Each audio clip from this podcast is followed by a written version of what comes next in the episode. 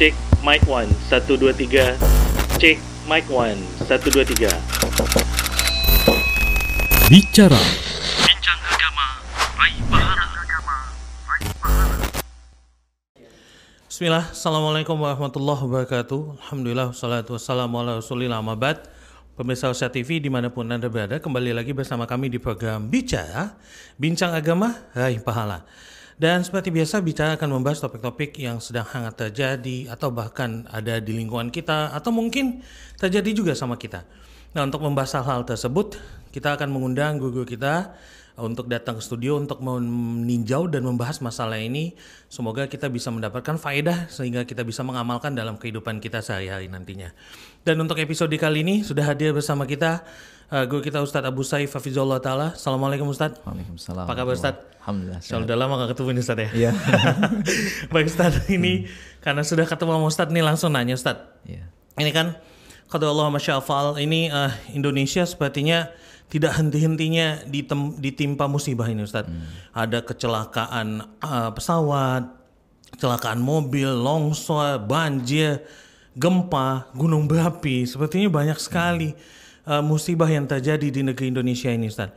Nah tapi kemudian ada yang menarik nih Ustadz. Dari bencana-bencana itu kemarin kita ngelihat bahwasanya ada yang mengatakan ini bencana ini disebabkan oleh dosa.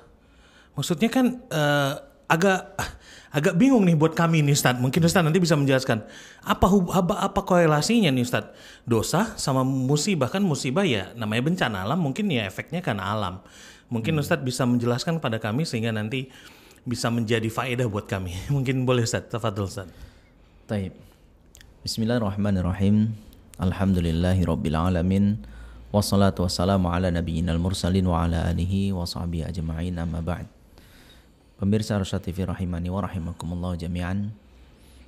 Bagi seorang yang beriman kepada Allah Ta'ala dan beriman kepada hari kebangkitan nantinya, kita wajib meyakini bahwasanya Allah Subhanahu wa taala sudah mentakdirkan segala sesuatu dahulu lagi sebelum lagi diciptakan langit dan bumi. Ya, jadi semua ini tidaklah terjadi kecuali atas kehendak Allah Ta'ala, ketetapan dari Allah Subhanahu wa Ta'ala. Memang benar ya kita katakan terjadinya banjir mungkin disebabkan oleh penebangan hutan atau sungai yang sudah dangkal gitu. Ah, Terjadinya ini dan itu semua ada sebabnya secara dunianya. Memang begitulah Allah Subhanahu wa taala jadikan sesuatu dengan sebab-sebab yang bisa kita fahami. Walaupun tidak menutup kemungkinan Allah Ta'ala menjadikannya itu tanpa sebab yang kita fahami. Seperti misalnya lahirnya Nabi Isa alaihissalam tanpa proses perkawinan gitu kan. Misalnya juga kambing yang tiba-tiba ada di hadapan Nabi Ibrahim ketika ingin menyembelih Nabi uh, Ismail alaihissalam. Nah ini semua datang tanpa proses yang sering dialami oleh manusia. Allah Ta'ala sebenarnya mampu untuk melakukan itu. Dan kemudian pelajaran yang bisa kita ambil di sini adalah ikhwati fillah rahimani wa rahimakumullah jami'an. Hakikat semua terjadinya itu adalah karena dosa yang kita lakukan. Dari mana kita tahu bahwasanya itu karena dosa yang kita lakukan? Allah Subhanahu wa taala yang mengabarkannya. Karena Allah Ta'ala yang mengatur alam semesta ini dan Allah Ta'ala yang menentukan baik buruknya alam semesta ini. Seperti firman Allah Subhanahu wa taala dalam surat Asy-Syura ayat 30. Allah taala berfirman, "Wa ma asabakum min musibatin fabima kasabat aydikum wa ya'fu an katsir." Apa pun yang menimpa kalian min musibatin dari satu musibah pun seperti misalnya disebutkan dalam sebuah hadis sampai pun ketika kita tergelincir kaki kita sampai ketika mungkin terluka oleh kayu itu semua disebabkan fabima kasabat aidikum disebabkan apa yang dilakukan oleh tangan kalian. Apa yang dosa kalian lakukan. Wa ya'fu an katsir dan sebenarnya Allah Subhanahu wa taala memaafkan sebahagian besarnya. Maka yang Allah taala timpakan kepada kita itu hakikatnya hanya bagian kecil dari akibat dosa yang kita lakukan. Ya bagian besarnya Allah Subhanahu wa taala maafkan. Kalau Allah taala ingin menimpakan semua apa namanya balasan atau semua ganjaran atas dosa yang kita lakukan, niscaya kita semua sudah musnah. Kita sudah hilang dari muka bumi ini. Sebagaimana Allah Subhanahu wa taala berfirman dalam surat Fatir ayat 45. walau yu'akhidullahu an-nasa bima kasabu ma taraka ala dhahriha min dabbah seandainya Allah taala ingin membalas semua perbuatan dosa yang dilakukan oleh anak manusia ya maka ma taraka ala dhahriha min dabbah. Tidak akan tertinggal satu makhluk pun di atas muka bumi ini. Tidak akan tertinggal. Semua akan dibinasakan oleh Allah Subhanahu wa taala disebabkan oleh dosa-dosa yang mereka lakukan. Karena dosanya terus mereka lakukan tak henti-hentinya. Setiap waktu mereka berdosa berdosa dan kalau semua itu Allah Taala berikan balasannya, niscaya tak ada satupun makhluk yang bisa hidup di atas muka bumi ini. Akan tetapi walaki akhiruhum ila ajalim musamma. Allah Taala akhirkan itu. Allah Taala tunda azabnya. Allah Taala tunda.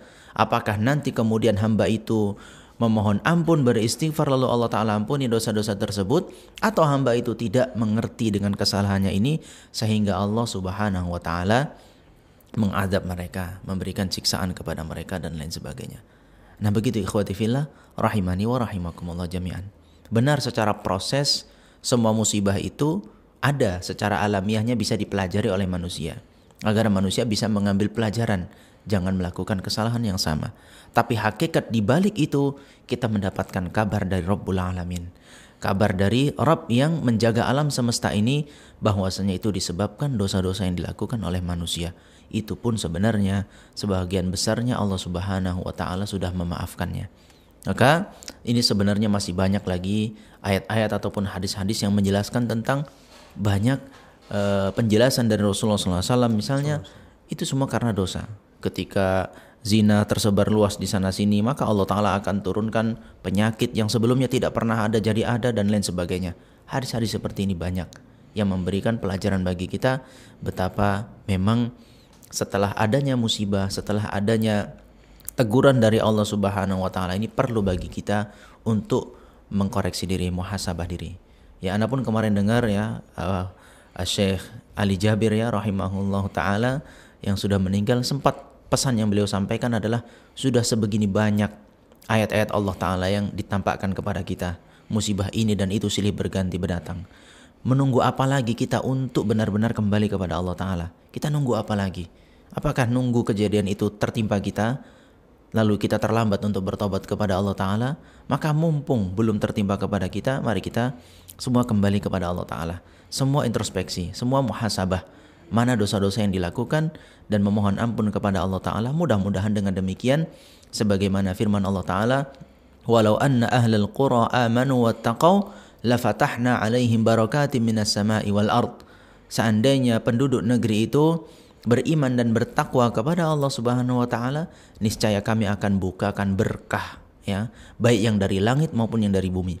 Semua menjadi berkah. Artinya tidak menjadi musibah, tidak menjadi sebuah e, malapetaka bagi manusia itu. Semua akan menjadi berkah bagi mereka. Syaratnya adalah kuatkan iman dan bertakwalah kepada Allah Subhanahu wa taala. Baik ya. Demikian mudah-mudahan dengan kita terus muhasabah diri kita, memperbaiki bertaubat kembali kepada Allah Ta'ala ke jalan yang benar ini juga akan kemudian memperbaiki kondisi kita agar dijauhkan dari malapetaka. Demikian. Wallahu a'lam bishawab Masya Allah, jazakallah ya Ustaz. Jadi sangat relate sekali ya Ustaz antara dosa dan musibah. Ya. Dan yang harus kita lakukan sekarang sekarang adalah bagaimana ke depan setelah musibah turun ya Ustaz ya. ya. Yang tadi Ustaz sampaikan mendekatkan kepada Allah, bertaubat dan lain-lain ya Ustaz ya. Masya Allah, jazakallah ya Ustaz. Dan pemirsa Asia TV di mana pun Anda berada, Semoga apa yang disampaikan oleh guru kita Ustadz Abu Saif Hafizullah Ta'ala tadi bisa kita amalkan dan kita setelah ini lebih dekat lagi kepada Allah dalam beramal soleh dan ikhlas beribadah hanya kepada Allah Subhanahu Wa Ta'ala. Dengan demikian kita tutup uh, perjumpaan kita hari ini dengan doa kafatul majlis. Subhanakallahumma bihamdika asyhadu an la ilaha illa anta astaghfiruka wa atubu ilaik. Assalamualaikum warahmatullahi wabarakatuh.